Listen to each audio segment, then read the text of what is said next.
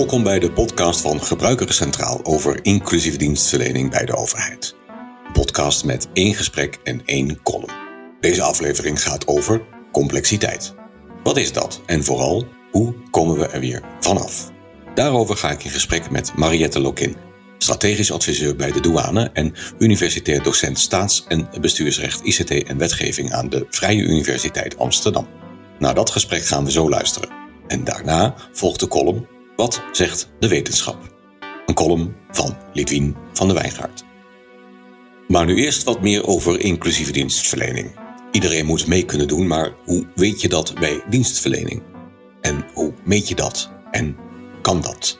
Ik ben Wolfgang Ebbers, bijzonder hoogleraar aan de Erasmus Universiteit Rotterdam en adviseur bij PBLQ. En samen met Lidwien van der Wijngaard, hoogleraar communicatie aan de Radboud Universiteit Nijmegen en verbonden aan bureau Anne, heb ik dit uitgezocht. En dat resulteerde in het toetsingskader inclusieve dienstverlening. Een methodiek om concreet te toetsen hoe inclusief overheidsdienstverlening is. Wat heeft complexiteit nou te maken met inclusieve dienstverlening? Complexiteit wil zeggen de hoeveelheid onderling afhankelijke handelingen die je moet verrichten om bij de overheid iets voor elkaar te krijgen of aan je verplichtingen te voldoen. Nou, het ligt er voor de hand dat het maken van een afspraak een vrij simpele handeling is, dus laag in complexiteit. Maar bijvoorbeeld het aanvragen van een omgevingsvergunning of iets voor elkaar zien te krijgen met betrekking tot schuldhulpverlening, dat is vrij complex, omdat je daarvoor veel onderling afhankelijke handelingen voor moet verrichten. Je moet bijvoorbeeld allerlei documenten zien te verzamelen en die met elkaar indienen en een pleidooi voor je zaak gaan houden. Dat is natuurlijk een stuk moeilijker dan wanneer je alleen maar een online afspraak hoeft te maken op het stadhuis. Nou, soms kan de complexiteit zo hoog zijn dat het lastig is om aan al die eisen te voldoen. En dan heeft de complexiteit ervoor gezorgd dat de dienstverlening voor een bepaalde groep mensen uitsluit. Hand in hand met complexiteit gaan ambiguïteit. Ambiguïteit is subjectief. Complexiteit is heel objectief. Dat kun je gewoon meten. Het aantal handelingen dat onderling afhankelijk is om iets voor elkaar te krijgen. Dus de onderling afhankelijke handelingen, als die in aantal hoog zijn, is de complexiteit hoog. Dat gaat bij veel mensen hand in hand met ambiguïteit. Niet zeker weten wat je moet doen. Het moeilijk vinden. Als mensen iets moeilijk vinden, dan willen ze er nog wel eens van afzien. Dus in die zin heeft complexiteit, als complexiteit te hoog wordt, een uitsluitende werking. En daar wil je eigenlijk vanaf. Nou, waar nou die complexiteit vandaan komt en vooral ook hoe je er weer vanaf komt, daarover ga ik in gesprek met Mariette Lokin. Uh, Mariette, je hebt een uh, lange staat van dienst bij de Rijksoverheid, met name op het gebied van wetgeving en wetgevingsbeleid. Mensen zien jou als uh, jurist met gevoel voor ICT, informatiekunde en vertaling van wetgeving naar specificaties voor ICT-systemen. En je bent bovendien universitair docent staats- en bestuursrecht, ICT en wetgeving. Uh, aan de Universiteit van Amsterdam, meen ik. In uh, 2018 promoveerde je. Voor je promotieonderzoek bestudeerde je onder meer de wijze waarop de betekenis van wetgeving kan worden geëxpliciteerd voor de vertaling naar specificaties voor ICT-systemen. Uh, dus het ontwerp van elektronische processen en diensten. Uh, en het gaat dan om het ontwikkelen van onder meer een taalmodel voor wetgeving, voor het annoteren en analyseren van wetgeving. En jouw, jouw proefschrift had als titel Wendbaar wetgeven, de wetgever als systeembeheerder. Um, om te beginnen, een taalmodel voor wetgeving. Wat is dat precies en waarom is dat zo belangrijk volgens jou? Ja, nou, wetgeving is natuurlijk een soort van heel um, ingenieus samenstel van allerlei juridische concepten en, en elementen die maken dat, dat regels, de, rechtsfeiten, rechtshandelingen, rechtsgevolgen kunnen weergeven. Maar de wetgeving bedient zich wel van allerlei verschillende formuleringen om die juridische concepten uit te drukken. En soms gebruikt hij andere woorden voor hetzelfde en soms uh, dezelfde woorden voor andere dingen. En dat maakt het, uh, ja, dat geeft een verscheidenheid waar een computer uiteindelijk niet zo goed mee overweg kan. Want die moet gewoon heel erg precies weten wat is dit en mm -hmm. hè, hoe moet ik dat interpreteren en hoe kan ik er dan mee redeneren. Mhm.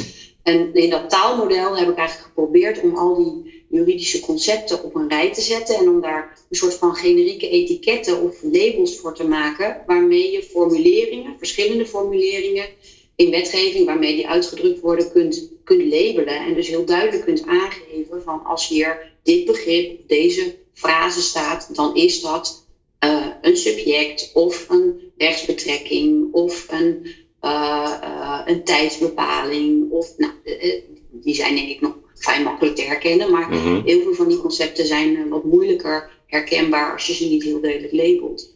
Dat zijn precies, is precies de informatie die je nodig hebt om ze heel zorgvuldig in regels om te zetten naar specificaties waar een computer mee kan redeneren. Nou, kun je wat van die moeilijkere voorbeelden geven van wat er in zo'n taalmodel staat? Ehm, ja, het zijn die, die, die dingen die ik net noemde. Hè? Bijvoorbeeld rechtsbetrekkingen, de rechtsplichtverhoudingen in, eh, in wetgeving. Die worden altijd op een bepaalde manier uitgedrukt. En dan eh, bijvoorbeeld een verplichting die iemand heeft. Ja. Ehm, daarvan zeggen we dan eh, bijvoorbeeld automobilisten ontsteken hun licht als het mist. Of als het mistig is. Ehm, eh, en we zeggen dan bijvoorbeeld niet van is verplicht of moeten dat doen. Dat maakt dat het niet zo heel duidelijk herkenbaar is dat dat een harde verplichting is. Oké. Ehm, en dat soort formuleringen zijn, zijn dus niet hè, de, de, de, de, plicht of de recht-plichtverhouding die in de wetgeving verstopt zit, is dan door die bewoordingen niet altijd zo heel makkelijk te herkennen. En met dat taalmodel kun je dat dus wel heel expliciet maken. Oké, en dan weet Door iemand. aan die werkwoorden zo'n labeltje te hangen. Oké, dus dan weet iemand die dan in de, ICT, eh, in de ICT moet programmeren, oh, dit is een verplichting. Ja, bijvoorbeeld ook met bevoegdheden. Hè. Heel vaak staat er in wetgeving dat een bestuursorgaan, bijvoorbeeld de belastinginspecteur of uh, uh, de, de, minister, uh, iets doet of, of kan doen. Hè. hij kan een vergunning verlenen op basis van die en die criteria. En soms staat er ook, hij weigert de vergunning op basis van die en die criteria. Dat is net een heel ja, een essentieel verschil. Want dat kan geeft aan dat die minister of de inspecteur beleidsruimte heeft, daar zelf nog invulling aan kan geven, een afweging kan maken. Mm -hmm. Als er staat het wordt geweigerd, dan kan dat ook echt alleen maar op die gronden die de wet geeft. Dus het bepaalt ook of je zelf nog iets te doen hebt als het ware als bestuursorgaan om, uh, uh, ja, om, om je bevoegdheid in te vullen. En als je dat hebt, dan moet je dat dus ook gewoon goed vastleggen en, en uitmodelleren uh, om te zorgen dat de beslissingen die je neemt, ook altijd, ook als dat geautomatiseerd wordt, traceerbaar zijn. Ah, oké. Okay. En ja. te verantwoorden. Ja. Hey, en zijn er al organisaties die hiermee werken? Ja, zeker. Bij de Belastingdienst werken we hiermee. Ja. En trouwens ook andere organisaties hoor. DUO, UWV, um, SVB. Uh, dat is niet exact het taalmodel wat ik in mijn proefschrift heb beschreven. Want ik heb het eigenlijk heel erg gemaakt ook vanuit het perspectief van de wetgevingsjurist. Hoe kan die in zijn redactiewerk al uh, op die manier wetgeving verduidelijken? Uh, maar we gebruiken bij de Belastingdienst zo'n taalmodel bijvoorbeeld voor de wetsanalyse om uh, uh, ja, wat wij dan noemen regelspraakregels, dus een soort van geformaliseerde vertaling van de regels te maken, wel in natuurlijke taal. Um, die we vervolgens weer kunnen omzetten naar softwarecode uh, om um, ja, ICT-services mee te laten draaien. En ja, we hebben daar eigenlijk hele goede ervaringen mee. Oh, mooi. We gebruiken dat bijvoorbeeld in de inkomstenbelasting al heel veel om Mhm. de, de specificaties te maken voor ons uh, voor het berekenen van de aanslagen. En ook een aantal andere, de, de vennootschapsbelasting, uh, loonheffing. Uh, en ja, dat, dit gaat niet alleen, uh, niet eens alleen om dat model wat we daar gebruiken en die analyse die we daarmee doen. Maar wat ook heel belangrijk is, is dat we daarbij steeds meer multidisciplinair werken. Dus de juristen en de ICT-mensen zitten ook gewoon samen uh, om de tafel, als het ware, of uh, zelfs achter het beeldscherm, uh, om die analyses te doen en die vertaalslag te maken. En dat geeft een heel vruchtbare wisselwerking. Oké, okay, en is dat, is dat onderdeel van de goede ervaringen die je hebt?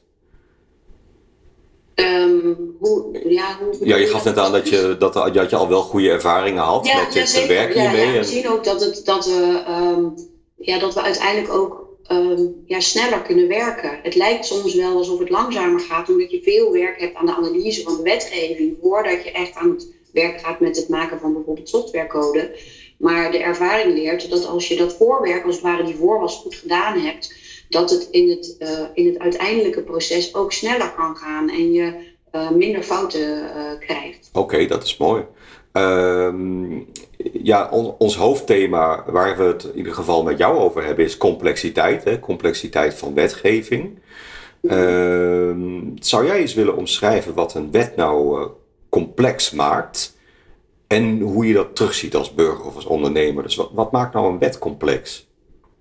Ja, eigenlijk is dat wel grappig. Uh, want uh, daar, we hebben het daar met collega's, omdat we bezig zijn met ook een boekje te schrijven over wetsanalyse, hebben we het daar heel veel over gehad. Ehm, van wat is nou complexiteit en waarom maakt het het voor ons in de uitvoering soms zo, zo ingewikkeld? Uh, en, en lopen we dan, hè, komen we dan weer van ja, dit is heel erg moeilijk of we kunnen het niet. Uh, en eigenlijk hebben hebben we, zijn we tot de conclusie gekomen dat het misschien niet zozeer altijd complexiteit van die wetgeving zelf is, maar dat het eigenlijk uh, best bewerkelijk is om van een, uh, ook een simpele regel naar een geautomatiseerde uitvoering te komen. Daar kan ik wel een voorbeeldje van geven. het kan heel simpel zijn in wetgeving. Als je een leeftijdsgrens opneemt, dan heb je één getal in de wet staan. Maar voor ons zit daar, uh, hebben we, nou, we hebben minimaal twee gegevens, namelijk het huidige jaar en het geboortejaar nodig. En nog een regeltje, uh, huidig jaar min geboortejaar is leeftijd. Om dat te kunnen implementeren, te kunnen toetsen of aan die leeftijdsgrens wordt voldaan. Als er dan ook nog een specifieke pijldatum zit, hè, eh, denk aan de AOW-leeftijd, mhm. die je moet berekenen, waar, dan, uh, waar ook nog de, de tijd in het jaar speelt, omdat er een aantal maanden ook nog meespeelt in de bepaling van of je al wel niet AOW-gerechtigd bent, dan wordt dat, dan wordt dat in de, hè, dan heb je nog een paar regels en gegevens nodig en dan wordt het in de uitvoering al gauw best een complexe aangelegenheid.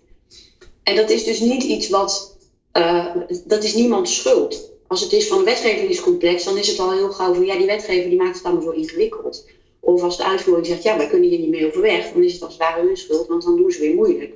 Mhm. Maar het is een combinatie van factoren. En het is niemands schuld, maar we zullen er wel met elkaar mee moeten dealen. En dit soort methoden van werken, door het goed te analyseren en dat ook gezamenlijk te doen, kun je daar, kun je daar ook inderdaad mee dealen. Ah, oké. Nou, nou, geef je in je proefschrift aan dat uh, ambiguïteiten en impliciete relaties die vertaalslag naar de digitale uitvoering uh, bemoeilijken. Net noemde je een, eigenlijk een, iets wat heel erg voor de hand ligt, hè, van een leeftijdsgrens. Nou, in, in de context van, een, van ICT is, wordt dat al moeilijk. Maar heb je dan ook voorbeelden van ambiguïteit en impliciete relaties die die vertaalslag zo moeilijk maken en waarvan waarschijnlijk een ander deel van de complexiteit van wetgeving vandaan komt. Um, ja, en daar kan ik wel een voorbeeld van geven. Eigenlijk ook met een best wel simpel eh, begrip als aanvraag. We hebben, we hebben hier afgesproken in Nederland, eh, in de Algemene Bestuursrecht, dat we daar het begrip aanvraag hebben geformuleerd. Hè, en, en wat daarin moet staan. Hè, zo, aanvraag voor een vergunning uh, bijvoorbeeld. Um, of voor een uitkering of een toeslag. En um, nou, dat begrip kunnen we gewoon vrijelijk gebruiken in alle specifieke wetgeving waarin van een aanvraag sprake is. Alleen, daar wordt dan niet meer steeds bij gezegd dat dat die aanvraag uit de AWB is. Je denkt ja, maar ja, dat is dan toch logisch. Maar niet iedereen in de uitvoering die iets moet doen met die wetgeving om er uh, uiteindelijk een, uh, een uitvoeringsproces van te maken, heeft die kennis. Um, dus het zou eigenlijk wel toch heel mooi zijn als je uh, de, de, het feit waar zo'n begrip vandaan komt, als je dat meer duidelijk zou kunnen maken in de wetgeving. Niet per se door daar dan weer steeds die ABB bij te noemen, maar wel bijvoorbeeld door een linkje te leggen, een hyperlinkje te leggen naar uh, de bepaling in de ABB. En um, uh,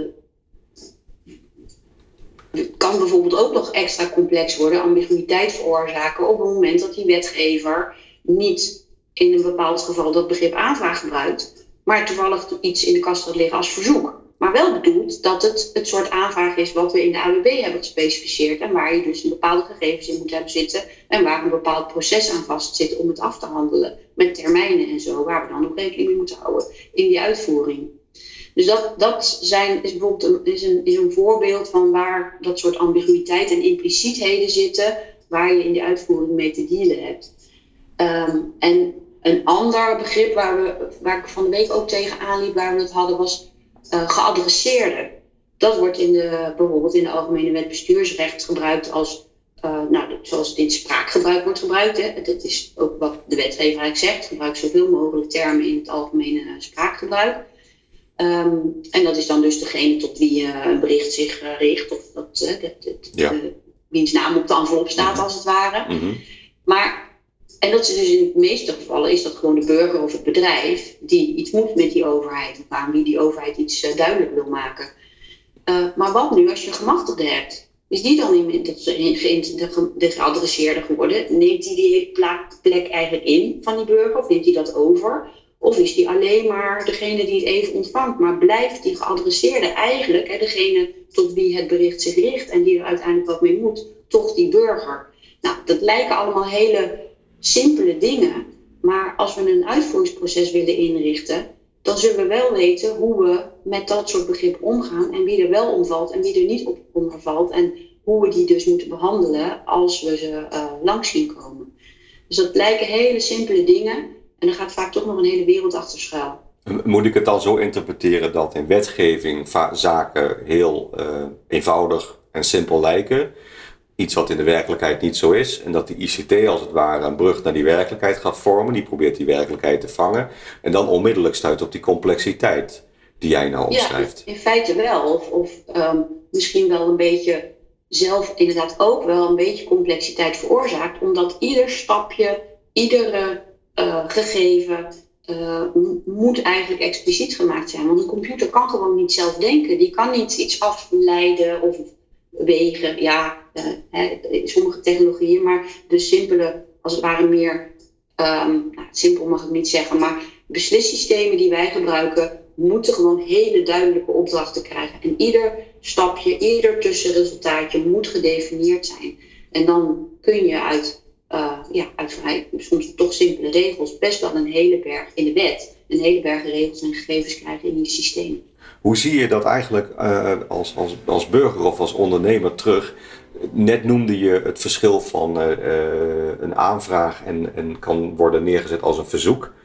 Is dat problematisch voor, vanuit, een, vanuit het perspectief van gebruikers?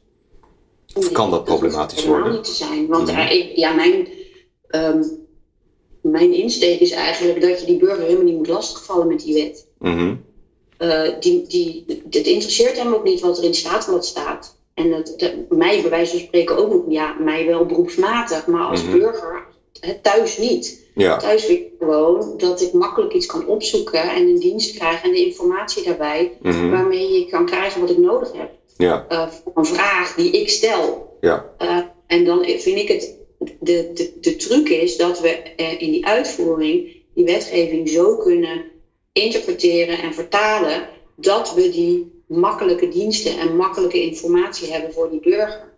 Ja. ja ik, ik kan, kan, er wel een voorbeeldje bij geven. Dat is, mijn dochter die ging vorige week uh, door stu OV studentenkaart, reiskaart aanvragen.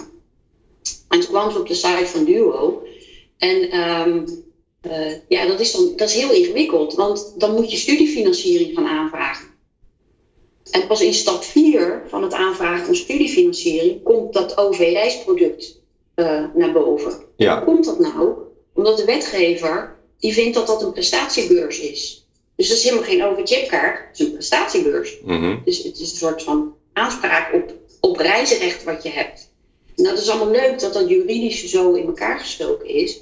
Maar eigenlijk zou ik denken, als jullie zo'n dienst inrichten bij Duo, abstraheer daar dan even van.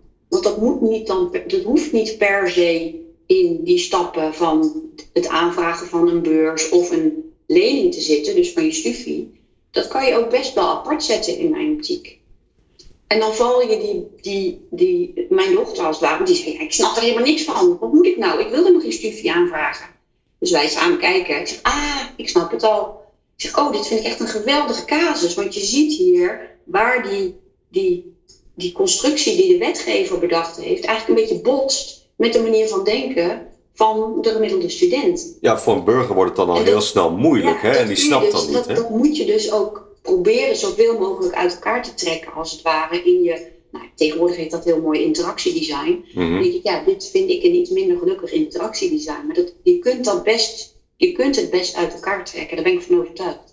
En, en, en de, de achterliggende reden hiervan is dat hier twee zaken bij elkaar komen. Hoe, hoe vertelde je dat nou? Van, er kwam een stukje. Zitten twee vormen van wetgeving in het aanvraagproces? Nou, eigenlijk niet. Er is, er is één stuk wetgeving. Ja. Ehm, eh, en dat gaat over studiefinanciering. En studiefinanciering valt uiteen in een lening. Uh, je kunt een beurs krijgen, uh, nog steeds hè, in bepaalde omstandigheden als student. Het heeft maar ook te maken met de eh, inkomen van je ouders en zo. Mhm. En er is een stukje uh, beurs wat eigenlijk de vorm heeft van een reisrecht. en dat is die studenten-OV. Ja, oké, ja. En dat hebben we nu inderdaad in het, in, in de, op de site van Duo ook echt allemaal als studiefinanciering, stukjes studiefinanciering, uh, ja, in, in een procesje gezet, of in die dienst, in, dat portaal waar je dat kan aanvragen. Maar voor de gebruiker is dat eigenlijk ja, werkt dat verwarrend. Want die associeert die, die OV-kaart niet met een beurs, met een, een stukje studiefinanciering. Mhm. En je zegt eigenlijk had het apart gezet moeten worden, ontkoppeld ja, moeten dus worden. Ook, al heeft de wetgever het op die manier, hè, als, als juridisch construct, uh, in elkaar gezet. Mm dat zou je dan in de vertaling naar wat die burger moet doen, best uit elkaar kunnen trekken. En dan wordt het wel helderder. En dan val je die, die burger of die student niet lastig met uh, nou, met, met de, de, de, complexiteit als het ware die uit de wetgeving voortvloeit, als je hem zo hè, aan presenteert als het ware. Zou dat eigenlijk uh, juridisch gezien tot bezwaren kunnen leiden? Wat je nu zegt, hè, van eigenlijk moet je dat uit elkaar houden of uit elkaar halen, omdat dat, uh, dat gebruikers er dan beter mee om kunnen gaan, dat studenten de zaken dan beter kunnen aanvragen. Zou je zeggen, van, ja, eigenlijk zijn, er, zijn er juridische drempels om dat te doen, om dat weer uit elkaar te halen? Nou, ik denk dat dat, dat, dat, dat ook niet hoeft. Daar heb ik ook, wel even over na zitten denken. Want ergens in het proces krijg je nu ook inderdaad te zien dat, uh, dat je bezwaar kunt maken als bijvoorbeeld je OV-kaart verweigerd zou worden. En dat, dat klopt ook, want ja, eigenlijk is dat een beschikking. Dat mhm. zit dan weer in die AWB-termen ook achter de schermen als het ware in de wetgeving uh, gediscuteerd. Um, maar het gaat me eigenlijk meer over kijk, het juridische um, de juridische duiding van die, die OV-kaart, die studenten-OV-kaart, die hoef je niet te veranderen. Maar het is wel hoe presenteer je het. Presenteer je het als onderdeel van het proces van het aanvragen van studiefinanciering? Of zeg je gewoon, nee, ik, heb hier, ik noem dit studiefinanciering, heb ik leningen en beurzen in zitten. En ik heb nog, maar dat zeg, doe ik niet zo, ik heb een stukje wat je aan kan vragen. En dat is een OV-studentenkaart. Um, daar kan je dan nog steeds ook van zeggen dat is een besluit wat ik neem om jou dat ding te verstrekken. Er kan er ook een voorwaarde aan hangen. Als je niet binnen tien jaar afstudeert, dan moet je hem terugbetalen, hè, de kosten van die kaart. Maar je kunt het wel als een, een dienstje apart zetten, waardoor mensen niet in de verwarring raken van hé, hey, ik moet hier eerst uh, allerlei dingen over een lening invullen, maar ik wil helemaal geen lening, ik wil alleen die studentenkaart. Ah. Je trekt het puur in de dienstverlening, in, in de interactie uit elkaar maar niet juridisch. De juridische duiding daarvan, de juridische kwalificatie van die OV-kaart hoeft niet te veranderen. Maar je kunt hem wel op een, naar mijn idee, op een handigere manier presenteren, zodat het minder verwarrend is voor de student die hem aanvraagt. Ja, dat kan natuurlijk ook. En dan hou je die complexiteit als het ware weg. Dan haal je die weg en, en je zorgt ook dat delen van het proces waar zo iemand dan behoefte aan heeft, gewoon door kunnen gaan in plaats van dat het stopt. En, en... Dat je ook niet lastiggevallen wordt met de dingen die jou niet aangaan. Ja, ja je zei het net al even uh, in jou, in het, aan het begin van ons gesprek uh, van samenwerken met andere specialisaties. Net noemde je al eventjes interaction design. Um, kijk, een, een, een vuistregel voor het bouwen van inclusieve systemen voor burgers of voor ondernemers is dat, je, dat alle relevante specialismen betrokken zijn. Hè? Een van de constateringen in jouw proefschrift is echter dat wetgevingsjuristen vrijwel nooit direct betrokken zijn bij het omzetten van wetgeving naar ICT-toepassingen. Uh, aan wat of uh, aan wie ligt dat volgens jou? Ja, dat is volgens mij een beetje een uitvloeisel van de manier waarop we de Rijksoverheid georganiseerd hebben. En vooral van de, uh, ja, de scheiding die uh, in de jaren negentig uh, wat meer is aangebracht tussen beleid, wetgeving aan de ene kant, de kerndepartementen, en, en de uitvoering. en naar mijn idee is dat eigenlijk heel jammer, want toen ik eind jaren tachtig begon bij het ministerie van Landbouw als wetgevingsjurist op het gebied van mestwetgeving toen, ja, zaten we gewoon sowieso ook dagelijks aan tafel met de beleidsafdeling. Uh, maar we hadden ook minimaal wekelijks uh, overleg, maar ook wel dagelijks telefonisch contact met de uitvoeringsorganisatie. was toen het bureau Heffingen in, uh, in Assen. en als er een formulier gemaakt moest worden voor uitvoering van die mestwetgeving. Ik, heb, ik ben echt gewoon met mijn besluit onder de arm naar SDU Tappan gegaan, die voor ons toen formulieren ontwikkelde. En dan gingen zij als het ware je, je, je besluit algoritmiseren, je, je, de regels die je gemaakt had. hè? Dan, uh, bent u boer, ja, nee. Uh, ja. Nou, soort uh, exercities. En dan kwam je er heel snel achter waar hiaten zaten of dingen niet klopten. Want als zo'n beslissing vastliep, dan moest je eens even gaan kijken, hé, maar wat heb ik hier nou opgeschreven en moet ik dat anders doen? En dat was, en hartstikke, dat was in de eerste plaats was het gewoon heel erg leuk. Want je, je zag gewoon als het ware waar je, ja, waar je product terecht kwam. En in de tweede plaats was het ook heel effectief. Want dat, daar hadden we, ja, we hadden toen nog helemaal niet aparte uitvoeringstoetsen, maar dat ging gewoon in de flow. En ik denk dat we daar ook weer naar terug zouden moeten. Dat, gewoon meer elkaar opzoeken en dat niet, uh, niet zeg maar meer in de watervalmanier doen. Hè. Uh, beleid is uitgekristalliseerd, wetgeving staat op papier. Oké, nu mag de uitvoering een uitvoeringstoets gaan doen. Uh, maar dat veel meer ja, iteratief en cyclisch met elkaar doen. Uh, dat, daar, ben, ja, dat, daar geloof ik echt wel in. Oké, dat, uh, dat, dat, klinkt, dat klinkt veelbelovend, dat klinkt goed. Hè? Uh, hoe moeten wij als community of practice dit voor elkaar krijgen? Welk advies geef je ons? Um, ja, ik denk dat het ehm, heel ja, goed zou zijn om, um, ja, als ik bijvoorbeeld met, met, met ja, ideeën voor samenwerkingsprojecten te komen. Uh, en um, uh, ook te, te kijken, dat, dat is wel de manier waarop we eigenlijk nu ook binnen de, de Belastingdienst proberen om die, dit, dat, dat de regelbeheer, de werken van regelbeheer, hè, met dat wetsanalyse mm -hmm. en mm -hmm. uh, de regels in natuurlijke taal en geautomatiseerd maken van code daarvan. om dat nog, nog verder door te ontwikkelen en daar ook die wetgeving bij te betrekken. Te kijken waar gewoon energie zit, waar mensen zitten die het interessant vinden en er affiniteit mee hebben, uh, waar uh, stukken wetgeving zitten waar misschien, dat is best moeilijk om te vinden, maar wat, waar wat minder druk op zit en waar, uh, waar je daar eens mee zou kunnen experimenteren als het ware ook, hè, om die, de wetgevers mee aan tafel te zetten, om pilots te doen. ja, dat, dat je zeg maar zeggen, een soort van werkende weg eigenlijk verder zou kunnen komen om het ja, om dat gedachtegoed te verspreiden en mensen daar uh, enthousiast voor te krijgen. Ja, uh, ja dat is natuurlijk heel belangrijk. Hè? Dus van het ja. enthousiasme. en ja, in ieder geval ergens affiniteit mee hebben, zei je al. Hè? Ja, en ik ja. denk dat daar ook wel bij hoort um, om met elkaar te investeren in, van, in, in overdracht van kennis en kunde, opleidingsfaciliteiten.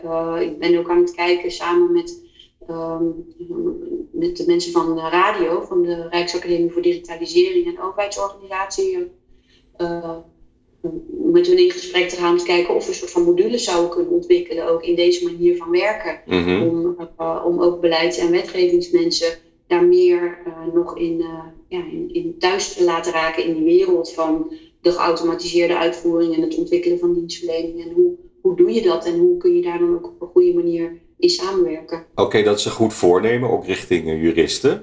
Uh, maar zelf ben ik ook benieuwd van, uh, ik ben geen jurist. Wat, wat betekent dat eigenlijk voor geen jurist of niet-juristen? Uh, wat, wat, moet die, wat moeten zij dan doen? Welke stap moeten zij ja. richting juristen zetten? Ja. zodat juristen zich ook wel welkom voelen, zich aan willen sluiten. Zul je jezelf ook een stap richting juristen moeten doen? Want dit is allemaal heel erg veel beeldspraak die ik nou gebruik natuurlijk. Maar mm -hmm. heb je wat praktische tips uh, voor, ja, voor onze community? Ja, nou ja, kijk, misschien dat we ook gewoon die, die, uh, die verschillende. Kijk, het zijn natuurlijk, je hebt verschillende disciplines en je denkt op verschillende manieren als je meer exact bent aangelegd of meer talig bent aangelegd. Maar misschien moeten we eigenlijk gewoon een beetje abstraheren van al die disciplines en meer denken in termen van mensen. Wij zijn mm -hmm. natuurlijk uiteindelijk ook allemaal mensen. Ja. En die ja. partijen denk ik ook het best als ze, als ze met een manier, op een manier kunnen samenwerken. Mm -hmm. uh, het is denk ik wel zo dat um, uh, ook als je in een uh, ander deel van die keten werkzaam bent, en ook voor bijvoorbeeld ICT'ers, dat het ook goed is om, um, om wat meer te weten over wat wetgeving is en hoe het in elkaar zit en hoe juridisch, hoe juridisch gedacht wordt. En het, het leuke daarvan is, is dat je ziet dat dat eigenlijk die manier van denken ook vaak helemaal niet zo ver uit elkaar ligt. Dat de logica die en een machine moet gebruiken om te redeneren en die ook juristen gebruiken en, en die in wetgeving neergelegd is, dat die best wel dicht bij elkaar komen. Hè? Het als dan zit natuurlijk heel mhm. vaak in, in, ook in de, al direct in de regels. Ik zeg ook wel eens van ja, die wet is het algoritme. Dus in feite drukken we ons alleen maar anders uit. En ja, als je dat gaat zien, als je daar ook, als je niet een jurist bent, je wat meer in wil verdiepen uh, en, en gaat verdiepen, dan zul je zien dat die bruggen wel, ja, dat die helemaal niet zo ontzettend moeilijk te slaan zijn. En, hoe... Ik heb nu best wel veel collega's die ook zeggen van ja, is, maar ik vind het wel enorm interessant. En ik weet nu alles over uh, hoe rechtssubjecten en de objecten en de, hè, en, uh, de rechtshandelingen in elkaar zitten. En nu, ja, dat, dan gaat het ook gewoon veel meer leven met waar je mee bezig bent als je die, uh, die uitvoeringsprocessen aan het inrichten bent, denk ik. Zijn er, zijn er ja, cursussen of webinars of whatsoever wetgeving voor dummies of uh, een opstartcursus of een introductie tot wetgeving? Uh, nou, bij de Academie voor Wetgeving zijn er, zijn er zeker wel dat soort modules, mm -hmm. cursussen. Ja, inderdaad ook wetgevingstechniek. Hoe zit een wet nou in elkaar? Waarom ziet hij eruit zoals hij eruit ziet? En hoe werkt het proces? Um, ja, de, daar, ik denk dat dat ook iets wat is wat we gewoon nog verder uh, ja, moeten gaan uitwerken en ontwikkelen de komende tijd voor, mhm. voor verschillende disciplines. En andersom ook, ook ja, wat is nou architectuur? Uh, hoe, wat zijn verschillende ontwikkelmethoden die in ICT worden gebruikt? Hoe, uh, ja, hoe, hoe, hoe zitten beslisregels en algoritmen in elkaar en wat voor type heb je daarin? Dat dat allemaal, ja, dat het heel belangrijk is om dat nu de komende tijd ja, goed op poten te zetten. Daar zijn natuurlijk al allerlei uh, initiatieven genomen. Wat dat betreft is zo'n radio en beleidsacademies en ook de Academie voor Wetgeving zijn denk ik hele goede instituten om dat verder te brengen. Ook in samenwerking met elkaar. En volgens mij wordt die samenwerking ook daar al opgezocht. Ja, ja. Dus dat, en dan zou je dus ook als niet-jurist ja, te raden moeten kunnen gaan. Hè? Uh, dus daar, daar is veel te doen. En, maar er is nog meer te doen. Want je geeft eigenlijk, uh, je geeft ook aan uh, dat er betere betrokkenheid van het parlement zou moeten zijn. dus je zegt van het gaat om de betrokkenheid van, bij wetgeving van, van de automatisering, maar ook het parlement. Hoe, hoe, zou je zoiets handen en voeten willen geven? Ja, ik denk dat het, dat het, het parlement nu um, vaak meer gefocust is op uh, ingrijpen op het moment dat het niet goed gaat. Um, en, en als er, zeg maar zeggen, soort van incidenten zijn of uitwassen van toepassing van digitalisering en automatisering in de uitvoering, waardoor mensen in de knel raken. Uh, en ik denk dat het heel goed zou zijn om het gesprek over hoe gaat deze wetgeving dadelijk werken, hoe gaan de diensten eruit zien die jullie daarbij voor inrichten, uh, hoe gaat het in je ook al is dat best een technische discussie soms, maar hoe gaat dat dadelijk echt landen in je systeem? En kun je dat nu ook al laten zien? Heb je dat al uitgetest? Dat dat gesprek al meer in de behandeling van wetgeving gevoerd zou moeten worden. Uh, en natuurlijk heb je daar ook in de Kamer dan uh, kennis en kunde voor nodig. De commissie digitalisering die de Kamer had ingesteld en die een paar maanden geleden een rapport heeft opgeleverd, die zei ook al, misschien moeten we wel een aparte commissie uh, voor digitalisering gaan inrichten.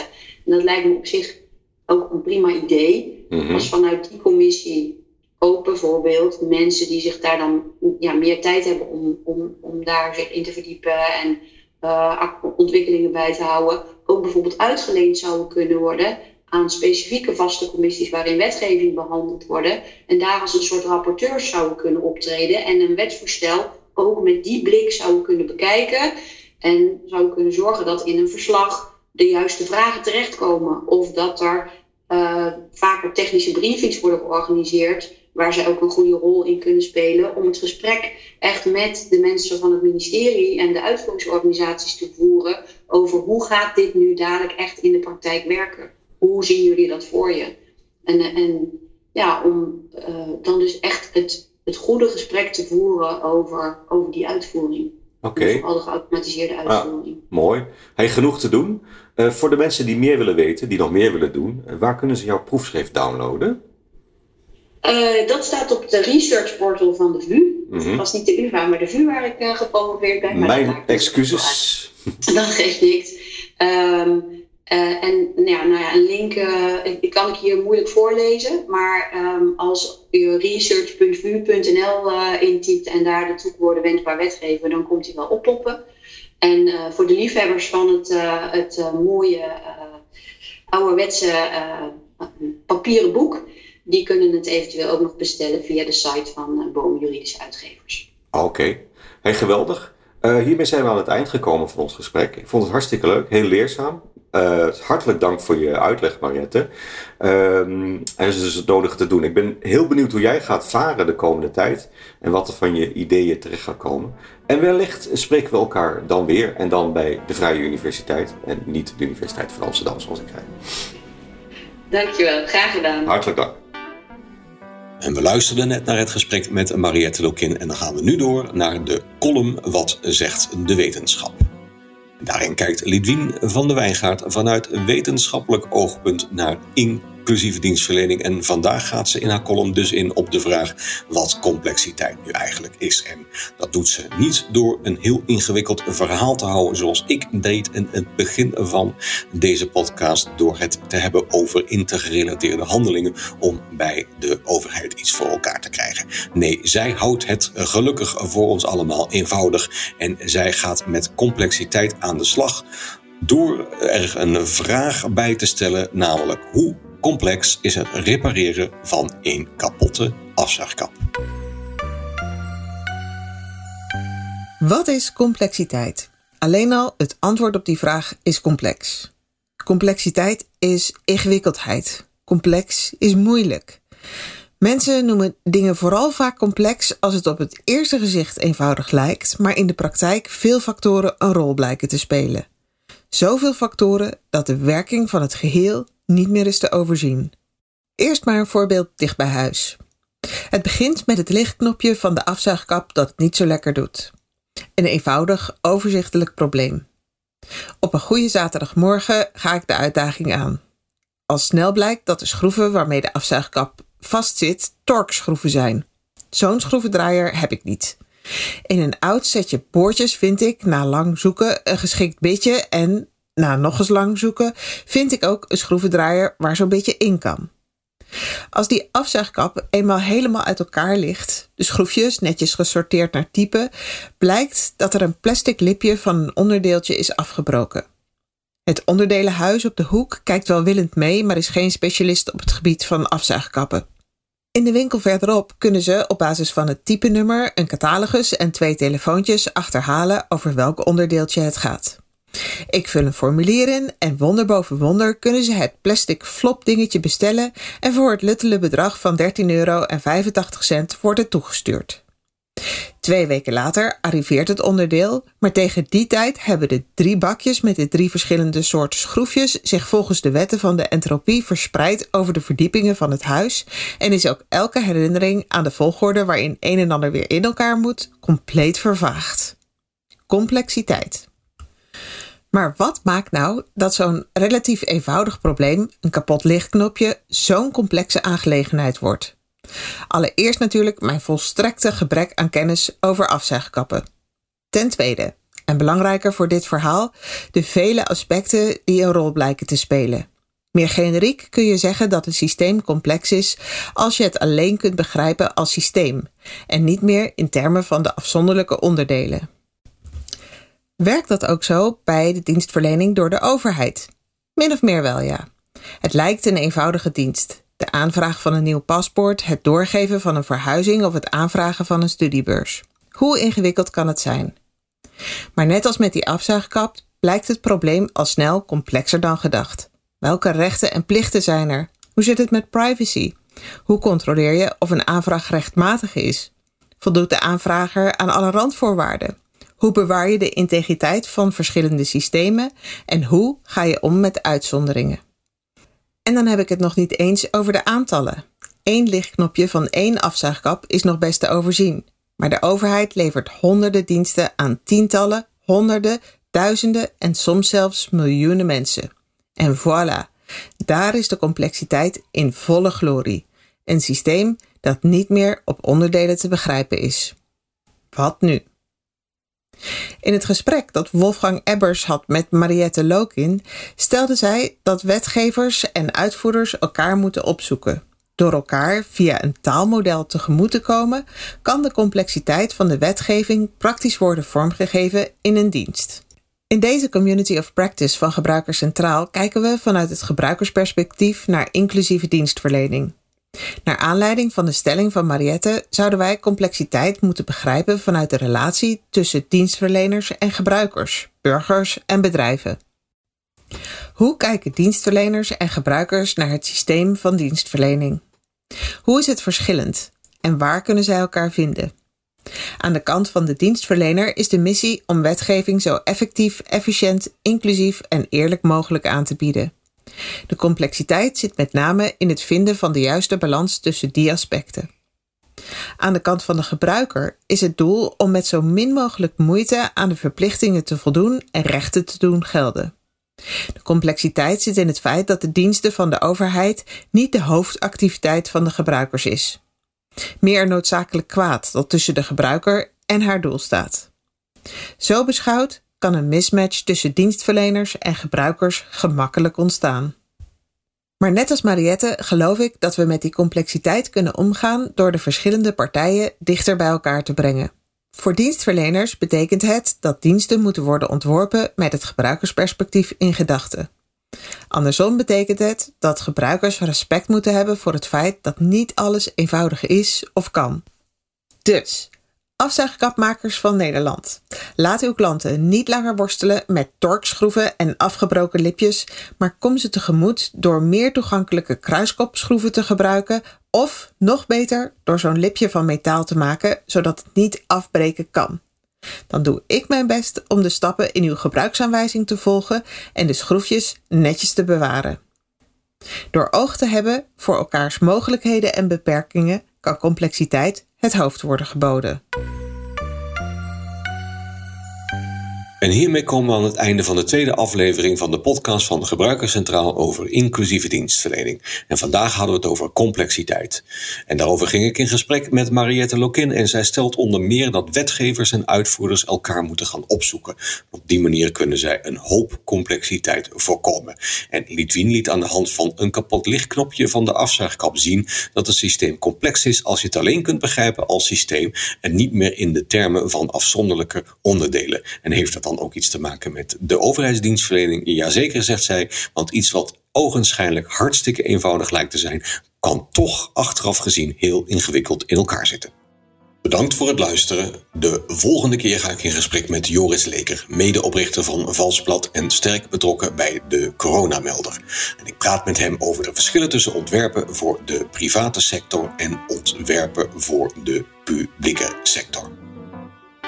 Volg Gebruikerscentraal en de ontwikkelingen over het toetsingskader via de website www.inclusiekader.gebruikerscentraal.nl. Tot de volgende keer.